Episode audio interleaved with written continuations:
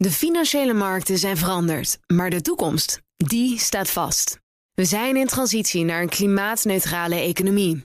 Dit biedt een van de grootste investeringskansen van onze generatie. Een kans voor u om mee te groeien met de klimaatoplossingen van morgen. Meer weten? Ga naar carbonequity.com. Carbon Equity. Do good by investing better.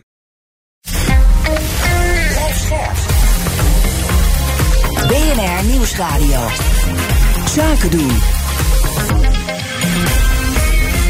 Thomas van Zeil. Banken hebben een poortwachtersfunctie om witwasfraude tegen te gaan. Online bank Bunk heeft de Nederlandse bank nu voor de rechter gedaagd... en stelt de opgelegde wijze van handhaving ter discussie. En medewerkers van Amazon en Staten Island hebben het voor elkaar gekregen... om een vakbond op te richten. Dat en meer bespreek ik in het beleggerspanel. En dat wordt gevormd door Thijs Knaap, chief economist bij APG... en Corné van Zeil, bekend als onze eigen beursanalist... en verbonden aan Actiam. Fijn dat jullie er zijn. Goedemiddag. Met jullie uh, laatste transactie uiteraard als aftrap. Thijs, wat heb je Ja, ik ga het begrip transactie toch weer een beetje oprekken in dit, uh, in dit panel. Um, je weet dat we het hele jaar transacties doen, groot, klein. Soms vertel ik er hierover, soms, uh, of eigenlijk meestal niet. Uh, nu las ik in het Pensioenpro een overzicht van een consultant, LCP. Die hebben onderzocht wat de rendementen van de 179 pensioenfondsen die Nederland nog, Nederland nog telt, vorig jaar zijn geweest. Op basis van cijfers van de toezichthouder. En ik denk, ja, we doen al die transacties, maar uiteindelijk gaat het om rendement. Dus laten we even de cijfers bekijken. Want het was best een goed jaar 2021. Alle fondsen samen hebben een rendement gemaakt van 7,3 procent. Er ligt een behoorlijke spreiding omheen, uh, van min 8 tot plus 15. Dus het kan uh, mee en tegen zitten. En omdat het het jaar was van stijgende rentes 2021, zie je dat veel BPF'en, bedrijfstak pensioenfondsen, uh, het best goed gedaan hebben. Die dekken over het algemeen minder rente af. En dan, als de rente stijgt, dan is dat een goed idee.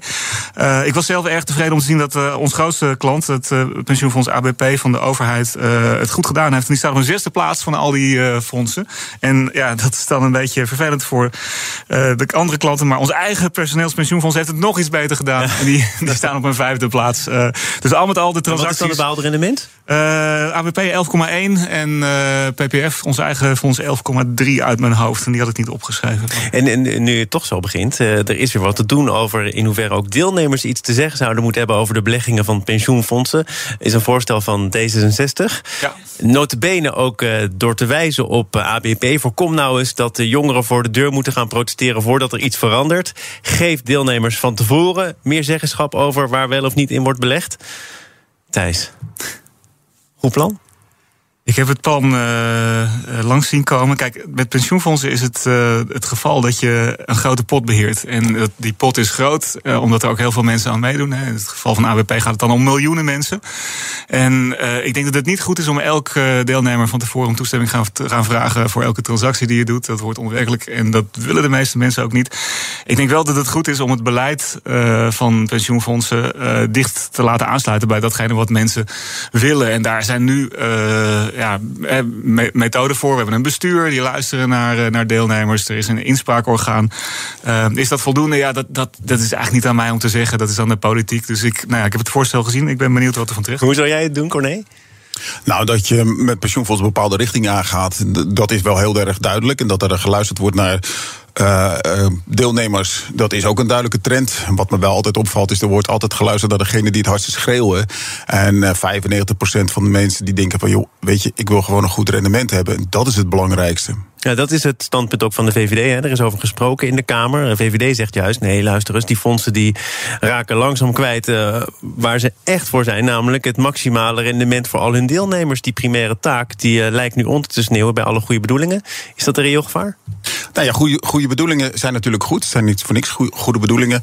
Uh, en ik vind dat heel goed om na te schrijven. Maar het is wel van secundair belang. En primair is het maximaal rendement met minimaal risico. Ja, ik memoreer even het bericht mij ik binnenkwam uh, over de rendementen van vorig jaar. Dus ja, vooralsnog lijkt dat wel goed te gaan. Um, dit is inderdaad, uiteraard is het een afweging uh, waarbij je kijkt. Uh, we willen een zo hoog mogelijk rendement tegen zo laag mogelijk risico, zo laag mogelijke kosten. En met inachtneming van een aantal andere doelen die je kan samenvatten als ESG. En ja, dan moet je altijd een balans tussen vinden. Corné, jouw laatste transactie. Ja, daar heb ik afgelopen week al in het Financieel Dagblad over geschreven. Dus dat was voor mij makkelijk dit keer. Uh, ik heb privé de MSCI Turkije iShares gekocht, dus indexfondsen. Uh, en dan hoor ik al hoop mensen aan de andere kant van de lijn denken van Uh, nou ja, ik wou wat woorden bezig die ik niet beter op de radio kan zeggen. Maar de reden daarvan is omdat ik uh, een tijdje geleden met een van mijn oude leermeesters sprak. En die had het over. Ja, destijds spraken we altijd over. Dat als je in tijden van devaluatie. moest je na de devaluatie die landen gaan kopen. Oftewel de aandelen of de obligaties. Omdat dan het risicobesef heel erg hoog is. En de koersen heel erg laag. Van zowel obligaties als van aandelen. En nou, dat was uh, toen de tijd bij, tijdens het EMS een uitermate winstgevende strategie. Uh, dan kon je uh, obligaties kopen tegen een rendement van 14%. En na een jaar waar, was het risicobesef weer genormaliseerd. Dus ik denk, nou, waar zie ik dat nu? In Turkije, 40% devaluatie. Hoppakee, dat tikt tenminste aan. En ik heb even gekeken naar die index. Nou, die zag vrij normaal uit. Beetje veel banken naar mijn zin, maar voor de rest best wel oké. Energie, telecom, van alles en nog wat. Wat auto's, staal. Um, en toen hield ik tegen die oude leermeester. Hij zei: Ja, maar Turkije is niet te vergelijken met de EMS-devaluaties van toen. Dus ik zou het nooit gedaan hebben. Nou, we gaan zien wie er gelijk krijgt. Kom daar zeker nog een keertje over vertellen, Corné. Ik weet het nu ook. Dan naar eh, de Nederlandse Bank en Bunk. Die zijn in een verbeterd gevecht beland over de naleving van witwasregels. DNB heeft eerder al boetes opgelegd aan onder andere ABN en ING. Dat eh, loog er toen niet om. En afgelopen vrijdag diende de zaak bij het Paleis van Justitie in Den Haag... bij het College van Beroep voor het Bedrijfsleven. En het gaat erover hoe er nu gescreend moet gaan worden. Bunk is een moderne bank, een digitale bank. Wil dat ook gaan doen met uh, behulp en inzet van kunstmatige intelligentie. DNB heeft uh, andere methodes met uh, vragen die je van tevoren moet stellen. dat zit elkaar lelijk in de weg. En daarbovenop, want nu blijkt dat heel veel banken Bunk eigenlijk wel steunen. Dat ze het goed vinden dat het een keertje voor de rechter komt. Ligt nog de vraag. Kunnen wij dit allemaal wel doen? Moeten wij dit allemaal wel doen? Wat is jouw antwoord, Thijs? Dit is een moeilijke vraag met een lang antwoord, dus ik zal kijken hoe ver ik kom. Ik, uh, kijk, dat, de rol die de banken spelen, de poortwachtersfunctie waar je het over hebt, ze moeten voorkomen dat hun klanten dingen doen die, uh, die niet mogen. En ja, je kan je natuurlijk afvragen, waarom moeten die banken dat überhaupt doen? Kan de overheid, overheid dat niet beter zelf doen? Maar ja, dat komt omdat de banken natuurlijk informatie hebben die de, de politie en de recherche niet hebben. En die zijn in feite als een soort van agent van de overheid bezig. Al heel lang, hè, er is al sinds 1993 in Nederland is er al een wetmelding ongebruikelijk transacties. Uh, dus dat is niet iets wat, uh, wat, nieuw is. Maar ja, kennelijk zijn die, de, de, de, de eisen waar ze aan moeten voldoen, die zijn steeds verder uitgebreid. En nu beginnen banken daar een beetje tegen te, te spartelen. En ja, een bunk komt er nu tegen in, in, in opstand. ik denk niet dat ze zich tegen het principe verzetten. De, de banken ja, moeten nou eenmaal helpen met het opsporen van valse transacties, maar wel tegen de methode. En dan, ja, dan is de vraag eigenlijk, ja, het bunk beweert dat het beter kan met kunstmatige intelligentie. Is dat werkelijk zo? Dat, ja, dat, dat weet je nooit bij kunstmatige intelligentie. Dat is altijd een beetje tricky om dat helemaal, eh, helemaal vast te stellen. Uh, en, ja, en de vraag is natuurlijk ook, als je het dan toch onverhoopt fout doet, omdat je algoritme het niet helemaal goed gezien hebt, ja, wie is er dan aansprakelijk? Maar mensen maken ook fouten en dan kun je dus heel duidelijk een schuldige aanwijzen. Ja, dat is waar. Maar met, met regels is het altijd makkelijker om te zeggen, de regel is altijd niet overtreden. En als je een algoritme hebt, ja, dan, dan moet je misschien wat meer in bochten wringen om te kijken wie het gedaan heeft. Wordt wel steeds lastiger voor banken en dan toch nog even vanuit het perspectief van aandeelhouders, van beleggers, om. Uh nog iets te verdienen. Hè? Er wordt steeds meer uitgegeven aan dit soort controles. Nou hebben banken sowieso al niet te maken met het beste landschap. Is misschien iets verbeterd, maar lage rentes. Uh, er zijn veel beleggers die er ook zijn weggelopen de afgelopen jaren. In hoeverre is dat toe te schrijven aan het feit dat ze heel veel meer kosten maken, ook voor dit soort procedures? Nou, het zijn inderdaad veel kosten waar ze mee te maken hebben. Extra bankenbelasting, uh, lage renteomgeving. Maar dat doet eigenlijk niet de zaak. Het is wel zo dat je denk ik een bovenmatige last op die banken legt. 15% van alle bankmedewerkers zijn met witwaszaken uh, witwascontroles bezig. Ja, en dat is niet meer in proportie, zou ik zeggen. En als je dat. Dus lijkt mij dat je de. Uh, richting duidelijk voor meer efficiëntie, bijvoorbeeld met de AI, opgaat. Maar ja, inderdaad, wat Thijs ook al zegt, vanuit de bank is, vanuit de centrale bank is natuurlijk makkelijk. Want dit zijn de regels, daar hou je aan. En doe je, voldoe je er niet aan, krijg je dikke boete. En maar, maar die boete die wordt toch ook opgelegd omdat er in het verleden veel misgegaan is? De, Nederlandse bank heeft volgens mij eind vorig jaar nog gezegd... nou, die banken lijken er nu heel veel werk van te maken. Maar dat is gewoon het inhalen van achterstanden. Heel proactief kan ik het nog niet noemen. Was toen het commentaar van de Nederlandse bank. En daar hebben ze ook gelijk in. Als je gaat kijken wat voor fouten ze hebben gemaakt, dan denk je, ja, ze waren ook veel te makkelijk in. Dus dat is heel goed dat er wordt nagestreefd. Alleen, het gaat om de efficiëntie van die maatregelen. En als je 15% van je medewerkers alleen maar op bitwascontroles moet zetten, lijkt mij niet dat het niet efficiënt gebruikt wordt. Dat het kan veel doelmatiger. En als dat met behulp van AI kan, denk ik dat dat uh, bij Bunk zeker kan. Als ik zie wat de zaken waren die bij Bunk kwamen, dat waren echt met name kleinschalige zaken. Bij de andere bank waren het echt hele grote fouten uh, die er gemaakt werden. Maar ik heb begrepen dat bij Bunk vooral veel marktplaatsfraudes en dat soort zaken Nou, de zijn. Ja. Consumentenbond heeft het toen toch ook wel moeten aanspreken op het feit dat er veel misging. En terecht, en terecht. Maar dat wil niet zeggen dat je het niet efficiënter kan. Dus misschien moet je nog wel meer controle doen, maar op een andere, nieuwere manier. Gaat het hier dus, Thijs, inderdaad, denk je vooral over de manier waarop die controle eh, moet worden uitgeoefend? En staat niet meer ter discussie of banken dat in deze mate moeten doen? Of speelt dat er ook nog wel een rol? Ja, ik denk dat dat laatste inderdaad wel, eh, wel vastgesteld is nu. De banken ja, die beheren het, het, geldverkeer en die, ja, die, die moeten daar. eh, die kunnen als enige eigenlijk die functie uitvoeren. Dus ik zie niet in hoe het anders kan. Als belegger, wat je al even noemde, is best wel vervelend. Hè? Dus de, de, de, verrassingen waar je voor kan komen te staan als je in een financiële instelling belegt, die zijn eh, best wel aanzienlijk en, eh, en vrijwel altijd negatief. Hè? Dus als je kijkt naar de zaken die nu eh, eh, komen, die, ja, die, die, die zijn dan al jaren geleden gebeurd. Maar daar, daar gaan nog steeds ja, de miljoenen vliegen over de tafel. Hè. Dus onlangs eh, de Engelse bank NetWest, eh, die was in zee gegaan met een malafide goudhandelaar. Ja, die kon even 265 miljoen pond aftikken bij Maar dan is het op de lange termijn toch ook in het belang van beleggers zelf dat banken hun zaakjes beter op orde hebben, zodat eh, de kans op wat onaangename verrassingen Dat afneemt. ben ik in, in theorie helemaal met je eens. Theoretisch, hè? Theoretisch zeg ik dat, is, dat moeten ze onmiddellijk doen. Het probleem is natuurlijk dat je als belegger daar, net zoals eh, de toezichthouder zelf, toch nooit helemaal de vinger achter krijgt. Je ziet hoeveel mensen er bezig zijn, maar zijn ze nou daadwerkelijk eh, efficiënt en, en, en voldoen ze aan de eisen die, eh, die gesteld worden? Dat weet je pas achteraf. En dus die negatieve verrassingen die hangen toch een beetje boven de markt. En dat is niet fijn beleggen. We gaan eh, naar deel 2 van dit panel. BNR Nieuwsradio. Zaken doen. Thomas van Zeil. Het beleggerspanel is de gast. Thijs Knaap, Corné van Zijl. Met een onderwerp waar jullie beide zeer op verheugen. Wist ik niet, maar daarom toch wat extra aandacht voor grondstoffen. Terug van weg geweest in de belangstelling grondstof. Misschien wel de enige categorie met een meer dan behoorlijk rendement de afgelopen weken. Thijs, het komt uit jouw koker. Je hebt er ook wel iets eerder eh, gezegd over de portefeuille van eh, APG... en hoe je je op crisissituaties eh, moet proberen voor te bereiden. Dat kost soms wat geld, maar uiteindelijk levert het wat op. Kun je kort iets zeggen over grondstoffen en het belang ook voor APG bijvoorbeeld? Nou, het valt mij op, ik, ik moet terugkijken op het eerste kwartaal, zoals veel van mijn collega's, denk ik, op dit moment. En eh, ik keek naar de beleggingsrendementen en die zijn over de hele linie eigenlijk helemaal niet goed. Aandelenmarkten zijn eh, zo'n 6% eh, gedaald, obligatiemarkten, dezelfde orde van grootte. Nou, dat zijn toch de hoofdcategorieën waar de meeste beleggers zich mee bezighouden. Ik denk voor de, de mensen die thuis met beleggen bezig zijn, de enige categorieën. Uh, en uh, wat mij opviel is dat uh, als je dan kijkt naar de balansen van de pensioenfondsen waar wij voor werken, dat er eigenlijk één categorie dan overblijft die het redelijk goed gedaan heeft dit jaar. En dat zijn de alternatives. Dus dat zijn de, de zaken die dan niet onder obligaties en aandelen vallen. Nou, dan heb je te maken met vastgoed, infrastructuur, private equity, maar ook met grondstoffen inderdaad als beleggingscategorie. En grondstoffen, ja, vorig jaar, ik geloof uit mijn hoofd, plus 40 procent. Dat is al een astronomisch rendement. En dit jaar komt daar gewoon weer 25 procent rendement bij. Dus dat trekt de boel nog een beetje recht. Maar er is natuurlijk een periode geweest, neem ik aan, dat jullie ook in je maag zaten met al die alternatives, met grondstoffen misschien wel in het bijzonder duur, leverde weinig op. Ja. Je gooit het weg. Dat is waar. Dus er zijn jaren dat het, uh, dat het geld gekost heeft. En dan komt de edele kunst van het, uh, de portefeuilleconstructie komt op tafel. Want uh, de, dat maakt op zich niet uit als jij een samenstelling maakt van verschillende dingen waar je in belegt. Waarbij het zo is dat in het, het, ene jaar het ene het goed doet en het andere jaar het andere. Dan heb je uiteindelijk een hele efficiënte portefeuille gemaakt. Nou, dat, dat werkt niet altijd. Maar ik kan op dit moment toch wel constateren dat beleggingen in grondstoffen redelijk ja, de portefeuille uitbalanceren. In een jaar waarin het dus niet zo goed gaat. In de andere hoek, rechts van mij, Corné van Zijl. Grondstoffen.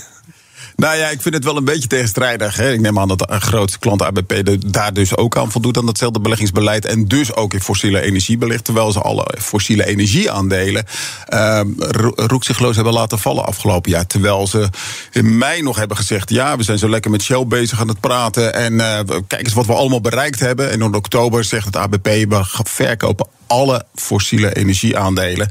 Wat mij uitermate onbetrouwbaar overkomt. Want. Uh, Ah, je ben je eerst met iemand aan het praten. Vervolgens zeg je nou na een paar maanden we verkopen de hele boel. En als tweede uh, ondermijnt je daarmee het ESG-beleid van alle andere duurzame beleggers. die daarmee ook als wat onbetrouwbaarder worden gezien. Dus, uh, en hoe dat te rijmen is met het wel aanhouden van de fossiele energie zelf. vind ik een beetje moeilijk te begrijpen. Maar Thijs kan mij dat ongetwijfeld ja, heel goed ik uitleggen. Het is heel beleefd dat je mij aankijkt, maar je moet eigenlijk naar Thijs kijken.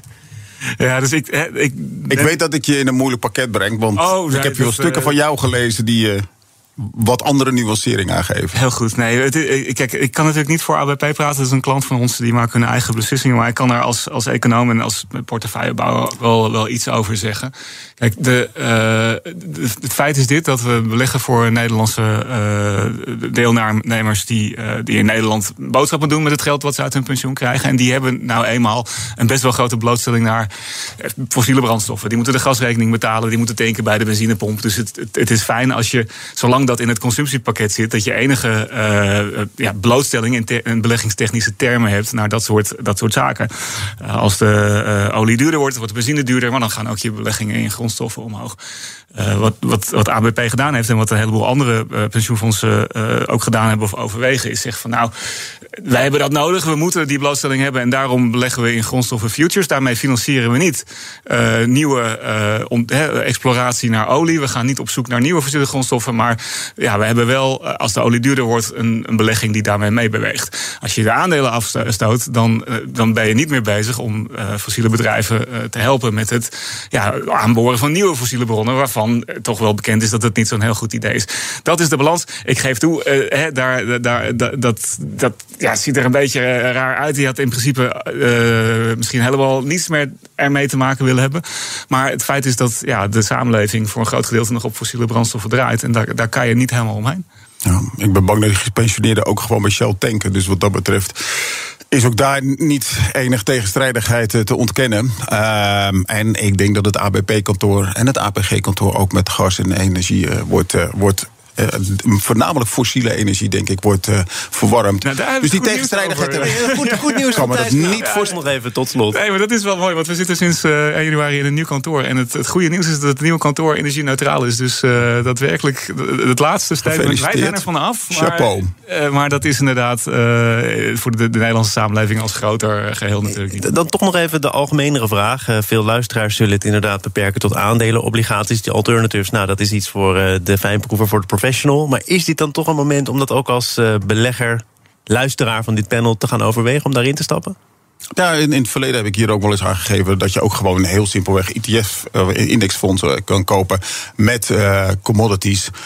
Wat een hele mooie extra asset class is binnen je beleggingsportefeuille. En zeker aan te bevelen, al is het maar een gedeelte.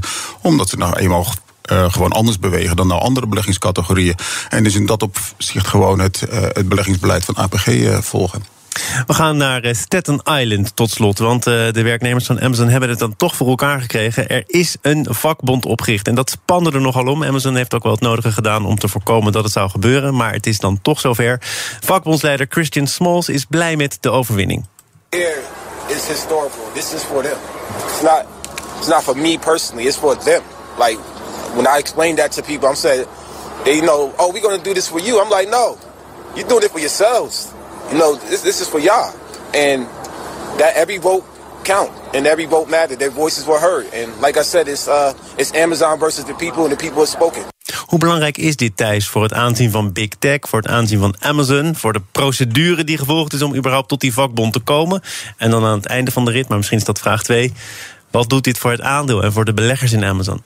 Wat mij vooral opvalt is hoe groot toch de verschillen zijn tussen Amerika en, uh, en Nederland. Kijk, hier is het helemaal geen nieuws als er een vakbond in een bedrijf is. Dat is eigenlijk, uh, verwacht je niet anders.